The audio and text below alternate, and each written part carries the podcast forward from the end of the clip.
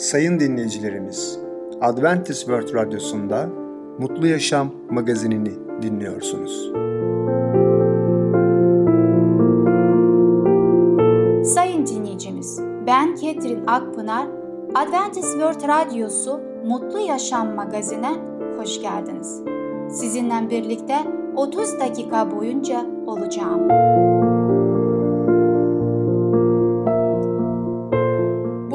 Programımızda peygamberler konusuyla var olan Allah, yaşam yolu konusuyla itiraf etme, kutsal kitaptaki hikayeler, Deborah ve Gideon'un hikayeler adlı konularımıza yer vereceğiz.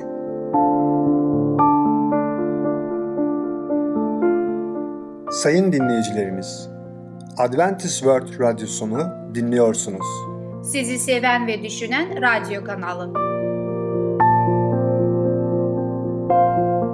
Bize ulaşmak isterseniz Umutun Sesi Radyosu et yaha.com Umutun Sesi Radyosu et yaha.com Şimdi programımızda Var olan Allah adlı konumuzu dinleyeceksiniz. Her şeyden önce kim vardı? Merhaba sevgili dinleyiciler, ben Tamer. Peygamberler programına hoş geldiniz. Bugün sizlerle var olan Allah hakkında konuşacağız. Sevgili dinleyiciler, bazen insanlar bana Allah'ın varlığını kanıtla diye soru sorarlar ve düşünüyorlar ki muhtemelen bu tarz soru sorduktan sonra ben onlara mantıklı bir cevap veremeyeceğimi düşünüyorlar. Haklıdırlar da ama ben de onlara annenin seni sevdiğini ya da sırf bugün seni sevdiğini yarın da hala seviyor olacağını bana kanıtlayabilir misin? Yarın sabah kahvene zehir koymayacağını bana kanıtla derim. Bunu kanıtlayabilecek olanağımız var mı? Pek sanmam. Annemizin bizi sevdiği hakkında kesin kanıta sahip değiliz ama kanıtımız vardır. Geçmişte bize bakmıştır. Bizi kabul etmiştir. Kendi başımızın çaresine bakmayacak durumda olduğumuzda bile bakmıştır. Bu onun yarın bizi sevmeyi sona erdiremeyeceğinin kanıtıdır. Gerçek şudur ki sizler ve ben hemen hemen hiçbir şeyi kesin olarak kanıtlayamayız. Bunun yerine kararlarımızı, bulguları temel alarak veririz. Bu yüzden Allah'ın varlığından bazı bulgu ve kanıtları aslında verebiliriz ve paylaşabiliriz. İlk olarak bizler birlik, düzen ve planı olan bir dünyada yaşarız. Düzen ve plan şans eseri olmamıştır. Akıllı bir kafa onları üretir. Albert Einstein bir keresinde benim dinim kendisini bizim zayıf kafalarımızın anlayabileceği en ufak ayrıntılarında gösteren sınırsız üstün ruha alçak gönüllü bir şekilde hayranlık duymaktan oluşur. Benim Tanrı anlayışım tam olarak kavranılamayan evrende kendini gösteren üstün mantıklı güç huzurunda hissettiğim derin duygusal kanıdır demiştir. Kanıt hakkında biraz daha basit ve daha az derin bir sözü Princeton Üniversitesi'nde biyolojisi olan Profesör Edwin Carston'dan duyuyoruz. Yaşamın bir rastlantı sonucu başladığı olasılığını matbaadaki bir patlama sonucu çok iyi bir sözlüğün oluşması olasılığıyla kıyaslayabilirsiniz. Evet sevgili dinleyiciler, kutsal kitap kanıtı veya bulgu alır ve onu bir şiir haline getirir. Göklerin Allah'ın yücelliğini açıklar. Gök kubbe ellerinin eserini gösterir. Gün güne anlatır onu. Gece geceye bildirir. Ne söz geçer orada ne de konuşma. Sesleri duyulmaz. Yankısı yeryüzünde dolaşır. Sözleri dünyanın dört bucağında ulaşır diyor Davut peygamber Zebur kitabında Mezmur 19 birden 4'e kadar. İkincisi kendi dışımızdaki düzenle yüz yüze geldiğimizde içimizde de bir düzen olmasını arzularız. Yaşamımızın bir amacı ve anlamı olmasının özlemini çekeriz. Büyük Rus yazar Lev Tolstoy yaşam ne içindir? Ölmek için mi? Kendimi bir an önce öldürmek için mi? Hayır, bunu yapmaktan korkuyorum. Ölümün gelmesini beklemek mi? Ondan daha çok korkuyorum. O zaman yaşamalıyım. Ama ne için? Ölmek için mi? Ve bu döngüden kurtulamıyorum diye yazmıştır. Amerikalı ünlü romancı Ernest Hemingway, yaşam sadece kirli bir oyun hiçlikten hiçliğe giden kısa bir yolculuktur diye yazmıştır. Yaşamın anlamsızlığıyla yüz yüze gelen Hemingway intihar ederek yolculuğu daha da kısaltmaya karar vermişti. Eğer bir rastlantı sonucu doğduğunuza ve eğer bir rastlantı sonucu ölecekseniz o zaman yaşam da bu ikisinin arasında gerçekleşen bir başka rastlantılar dizisidir. Polonyalı Marksist filozof Adam Schaff şöyle yazar. Ölüm doğanın ilerlemesi açısından tamamıyla makul bir şeydir. Ama belirli birinin ölümü açısından bakıldığında mantıksız bir şeydir ve yaptığı her şeye şüphe düşürür. Bunu gülünç göstermeye çabalarını hiçbir yararı yoktur. Ünlü psikolog Carl Jung yaşamın anlam ve değeri sorusu bir dakika önce kıpırdamakta olan bir vücuttan son nefesinin çıktığını gördüğümüz an daha acı ve hemen yanıt isteyen bir boyuta ulaşır demiştir. Fransız varoluşçu filozof Jean-Paul Sartre şöyle yazmıştır. İnsan anlamsızdır ama çok ciddi bir şekilde öyle değilmiş gibi davranmak zorundadır. Neden böyle yapar? Bu varsayımların mantıklı sonuçlarıyla neden yüz yüze gelmek istemiyor? Eğer bir Allah yoksa yaşam bir kazadır. İnsan da anlamsızdır. O zaman etrafımızda bulunan bir sürü bitkiden insanın da farkı yoktur. Gerçek hakkındaki bir görüşü deneyip yaşamaya çalışın. Çoğumuz bunu yapmayız ya da yapmayı reddederiz. Yaşamlarımız ve davranışlarımız anlam ve önemle bağdaştırmakta ısrar ederiz. İçimizde yaşamımızın amacını anlamak için doğal bir dürtü vardır. İsa Mesih bizlerin Allah'ı bütün kalbimiz, canımız ve gücümüzle sevmemiz ve komşumuzu kendimiz gibi sevmek için yarattığımızı söylemiştir. Bize anlamlı hayatlar yaşama arzusunu bize bir amaç için yaratmış olan yaratıcımız vermiştir. Birçoğumuz yaşamın amacını Allah ve insanları sevmekten yüzeysel mutluluk ve şimdiki doyuma çekip çarptırırız. Bu 3-5 tane zengin ve en iyi eğitim görmüş üst tabakaya mensup insan için anlamlı bir şey olabilir. İnsanlığın büyük bir bölümünü kendiliğinden anlamsız bir varoluşa mahkum eder. İsa Mesih çünkü Allah dünyayı o kadar çok sevdi ki biricik oğlunu verdi. Öyle ki ona iman edenlerin hiçbiri mahvolmasın ama hepsi sonsuz yaşama kavuşsun demiştir İncil'inde Yuhanna 3.16.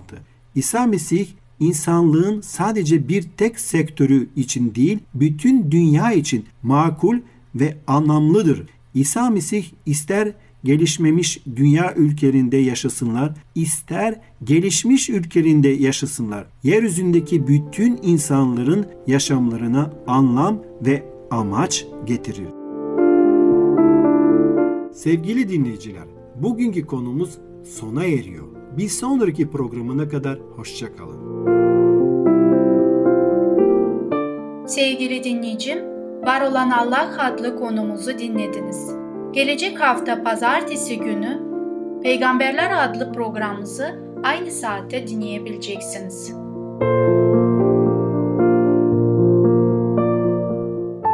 Sayın dinleyicilerimiz, Adventist World Radyosunu dinliyorsunuz. Sizi seven ve düşünen radyo kanalı.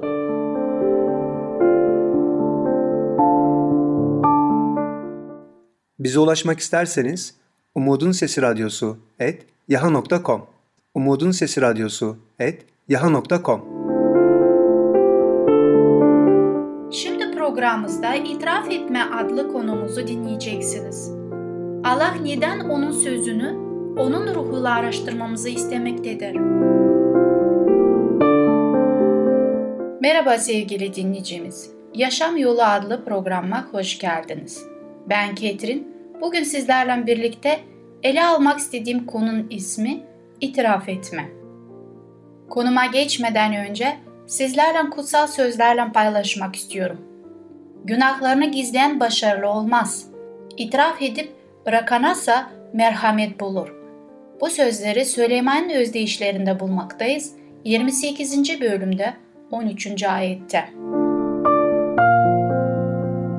Daha önceki programımızda tövbe konusunda söz etmiştik. Tövbe nasıl olmalıdır ve neden olmalıdır bakmıştık sizlerle birlikte. Allah'ın sözü dua ile çalışın diyor Rabbimiz. O söz Allah'ın yasasında ve Mesih'in hayatında bulunan ve bunlar olmadan kimsenin Rabbi görmeyeceğini kutsallık ilkelerini size sunuyor. Bu sözleri İbranilerin mektubunda bulmaktayız 12. bölümde 14. ayette. İnsanı günahkar olduğuna ikna ediyor. Kurtuluş yolunu açıkça belirtiyor. Sizinle konuşan Allah'ın sesi olarak ona kulak verin. Günahın büyüklüğünü görünce, kendinizi gerçekten olduğunuz gibi görünce ümitsizliğe kapılmayın. Günahkarları kurtarmak için geldi Mesih. Biz Allah'la kendimizi barıştırmak durumunda değiliz. Zira Allah mükemmel sevgidir. Allah Mesih aracılığıyla bize kendisiyle barıştırıyor. 2. Korintilerde 5. bölümde 19. ayette bu sözleri bulmaktayız. İsa Mesih günahkar çocukların kalplerini kazanmak için şefkatli sevgisiyle kur yapıyor. Hiçbir dünyevi anne baba çocukların kusurları ve hatalarıyla Allah'ın kurtarmaya çalıştığı kişilere olduğu kadar sabırlı olmaz. Hiç kimse günahkarı çağırırken ona Allah kadar şefkat ile yalvarmaz. Hiçbir insan dudağından averiye doğru onunkinden daha şefkatli niyaz akmamıştır. Tüm sözleri, tüm uyarları anlatılmaz sevginin fısıltısıdır. Şeytan çok büyük bir günahkar olduğunuzu söylemeye gelince yüzünüzü kurtarıcınıza kaldırıp onun erdemlerini sayın. Size yardım edecek olan şey onun ışığına bakmaktır. Günahınızı ikrar edin. Fakat düşmana Mesih İsa günahkarları kurtarmak için dünyaya geldi deyin ve onun eşsiz sevgisi sayesinde kurtulabileceğinizi söyleyin. 1. Timoteus'ta bu sözleri bulmaktayız. 1. bölümde 15. ayette. İsa Simon'a iki borcu hakkında bir soru sordu. Birinin borcu küçük bir miktardı. Diğerinkisi çok büyük. Ancak tefeci ikisinin de borcunu bağışladı ve Mesih Simon'a hangisini onu çok seveceğini sordu. Simon kendisine daha çok bağışlanan diye yanıt verdi. Bu sözleri Luka'da 7. bölümde 43. ayette bulmaktayız. Günahkarlığımız büyüktür. Ancak Mesih affedilebilmemiz için öldü. Fedakarlığın erdemleri babaya bizim adımızı sunulmak için yeterlidir. Kendisi en çok bağışlanlar onu en çok sevecek ve büyük sevgisi ve sonsuz fedakarlığı için ona övgüler sunmak için tahtının yanına en yakın duracaklardır. Ancak Allah'ın sevgisini tamamen kavrayınca günahın günahkarlığını tam olarak anlarız. Bizim için indirilen zincirin uzunluğunu görünce Mesih'in bizim adımıza yaptığı sonsuz fedakarlığı biraz olsun kavrayınca kalp alçak gönüllülük ve tövbe ile erir. Allah'tan merhamet bulmanın şartları basit, adil ve makuldür. Rab günahlarımızın bağışlanması için bizden ağır bir iş istemez. Gökün Allah'ına canlarımızın beğenilir hale getirmek ya da günahımızın cezasını çekmek için uzun ve yorucu harçlar yapmamız veya günahlarımızın cezasını sanki ödeyebilecekmişiz gibi kendimizi incitmemiz ve aşağılamamız gerekmez. Fakat günahını itiraf edip bırakan merhamet bulacaktır. Elçi şöyle diyor. Şifa bulmak için günahlarınızı birbirinize itiraf edin ve birbirinize için dua edin. Yakup kitabında 5. bölümde 16. ayette bu sözleri söylemektedir. Günahlarınızı Allah'a itiraf edin. Zira günahı yalnızca Allah affedebilir. Kusurlarınızı da birbirinize itiraf edin. Arkadaşınızı veya komşunuzu incittiyseniz yanlışınızı tanımalısınız. Onun görevi ise size serbestçe bağışlamaktır. Sonra Allah'tan af dilemelisiniz. Zira incittiğiniz kardeşiniz Allah'ın malıdır ve onun incitmekle onun yaratıcısı ve kurtarıcısına karşı günah işlemişimizdir. Dava, günahın her ilkesini temizleyebilen, her alanda bizim gibi denenmiş ama günah işlememiş, zayıflıklarımızda bize yakınlık duyan, tek gerçek aracı olan, baş rahibimize sunulan bu sözleri İbranilerde bulmaktayız. 4. bölümde 15. ayette. Suçunu tanıyarak canları Allah'ın yönünde alçaltmış olanlar, kabulün ilk şartını henüz yerine getirmemişlerdir. O pişman olunmayacak, tövbeyi tecrübe etmediysek, günahlarımızdan iğrenerek bunları gerçekten ruhumuzdan gelen bir utanç duygusu ve kırgınlıkla itiraf etmediysek, günahların affını hiçbir zaman gerçekten aramamışızdır. Ve hiçbir zaman aramadıysak hiçbir zaman Allah'ın selametini bulmamışızdır. Geçmiş günahların affını almamış olmamızın tek sebebi kalplerimizi alçaltmaya ve gerçeği sözünün şartlarına uymamaya razı olmamışızdır. Bu meseleyle ilgili açık talimatlar verilmiştir. İster aleyhine ister gizli olsun. Günahların itirafı kalpten ve serbestçe beyan edilmelidir. Sevgili dinleyicimiz, duyduğumuza göre Allah bizde kendi isteğimizde gelmemizi istemektedir. Günahlarımızı anlayarak, onlardan pişmanlık duyarak onları Allah'ın tarafında affedilmesini istemeliyiz. İtiraf nasıl olmalı bu konumuz burada bitmiyor. Bir sonraki programa kadar hoşça kalın. Sevgili dinleyicimiz, İtiraf Etme adlı konumuzu dinlediniz. Gelecek hafta cumartesi günü Yaşam Yolu adlı programımızı aynı saatte dinleyebileceksiniz.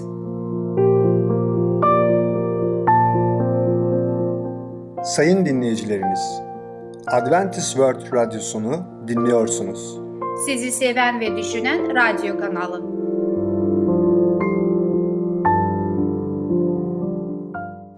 Bize ulaşmak isterseniz Umutun Sesi Radyosu et yaha.com Umutun Sesi Radyosu et yaha.com Sevgili küçük dostum, şimdi programımızda Deborah ve Gideon'un hikayeleri adlı konumuzu dinleyeceksin. Rab ile her şey kazanmak mümkün müdür?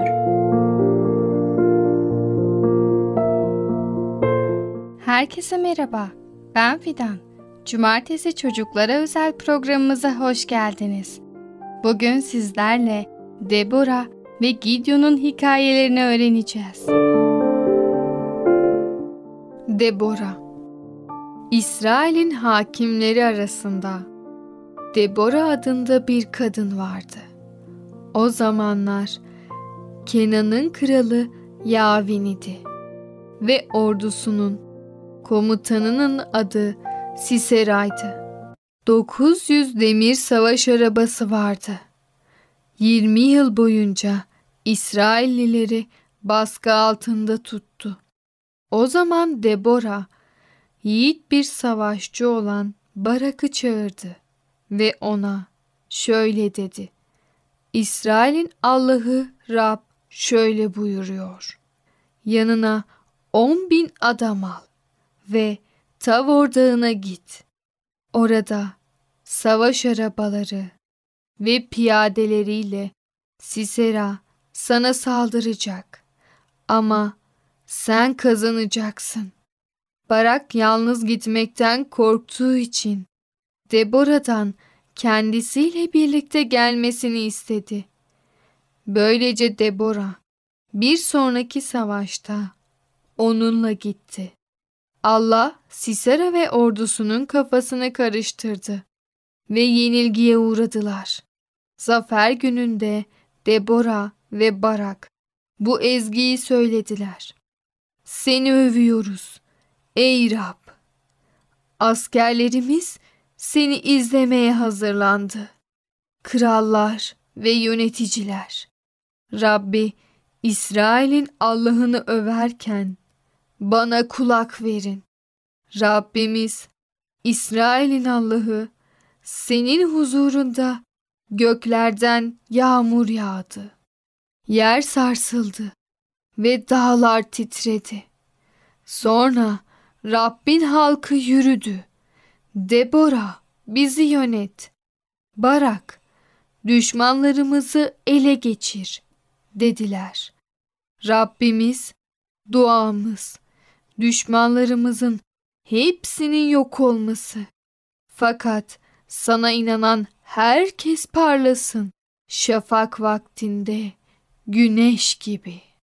Gideon İsrailliler bir kez daha yaptıklarıyla Rabbi üzdükleri için Rab onları yedi yıl boyunca Midyan halkı tarafından yönetilmeleri için onların eline teslim etti. Midyanlılar çok zalimdi. Bu yüzden İsraillilerin kendilerini korumak amacıyla dağlarda ve mağaralarda sığınaklar yapmaları gerekti. İsrailliler ne zaman tarlalarını ekmeye çalışsalar, Midyanlıların, Ameleklilerin ve öbür doğulu halkların saldırısına uğruyorlardı.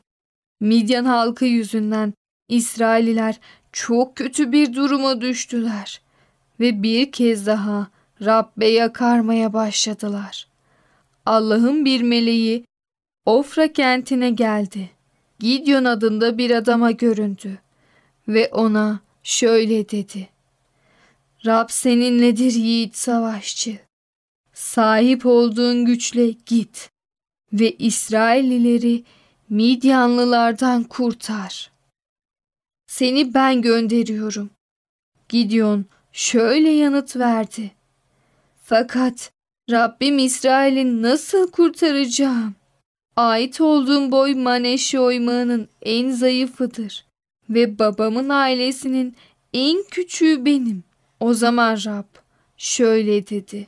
Bu doğru ama ben seninle olacağım ve sen de Midyanlıları sanki tek bir adammış gibi yeneceksin. Gideon'un yaptığı ilk şey sahte bir tanrı olan Baal için İsraililer tarafından yapılmış olan bir sunağı yıkmak oldu. Bundan sonra gerçek Allah için bir sunak yaptı ve bir ordu kurmaya başladı. Çağrısına binlerce kişi karşılık verdi. Bunun üzerine Allah Gideon'a şöyle dedi. Ordun çok büyük olduğu için İsrailliler savaşı kendi güçleriyle kazandıklarını düşünebilirler. Sana sadece 300 adamın gücünü kullanman için izin veriyorum. O zaman Gideon 300 kişiyi 3 gruba ayırdı. Her birine bir boru ve içinde çıra olan testiler verdi. Sonra da şöyle dedi. Beni yakından izleyeceksiniz. Düşmanın ordugahına ulaştığımda benim yaptıklarımı yapacaksınız. Borumu çaldığımda siz de borunuzu çalacaksınız. Ve şöyle haykıracaksınız. Rab için ve Gideon için. O akşamın ilerleyen saatlerinde Gideon ve yüz adamı nöbet değişiminden hemen sonra ordugaha vardılar. O zaman borularını çalıp testilerini kırdılar. Çıralarını havaya kaldırıp şöyle bağırdılar. Rab için ve Gideon için ordugahın çevresinde pozisyon aldılar. Gideon 300 adamı birden boru çalınca düşman askerler birbirlerine saldırıp birbirini öldürdüler. Bu olaydan sonra İsrailliler Gideon'a şöyle söylediler. Sen bizim önderimiz olmalısın. Senden sonra da oğlun ve sonra torunun. Çünkü bizi Midyanlılardan kurtardın. Fakat Gideon şöyle cevap verdi. Ne ben ne de oğlum size önderlik edecek. Önderiniz Rab olacak. Bugünkü programımızda Rab'be güvenirsek her şeyi başarabileceğimizi öğrendik. Bir sonraki programımızda tekrar görüşene kadar Kendinize çok iyi bakın. Sevgili küçük dostum, Deborah ve Gideon'un hikayeleri adlı konumuzu dinledin. Gelecek hafta cumartesi günü Kutsal Kitaptaki Hikayeler adlı programımızı aynı saatte dinleyebileceksin. Sayın dinleyicilerimiz, Adventist World Radyosunu dinliyorsunuz. Sizi seven ve düşünen radyo kanalı.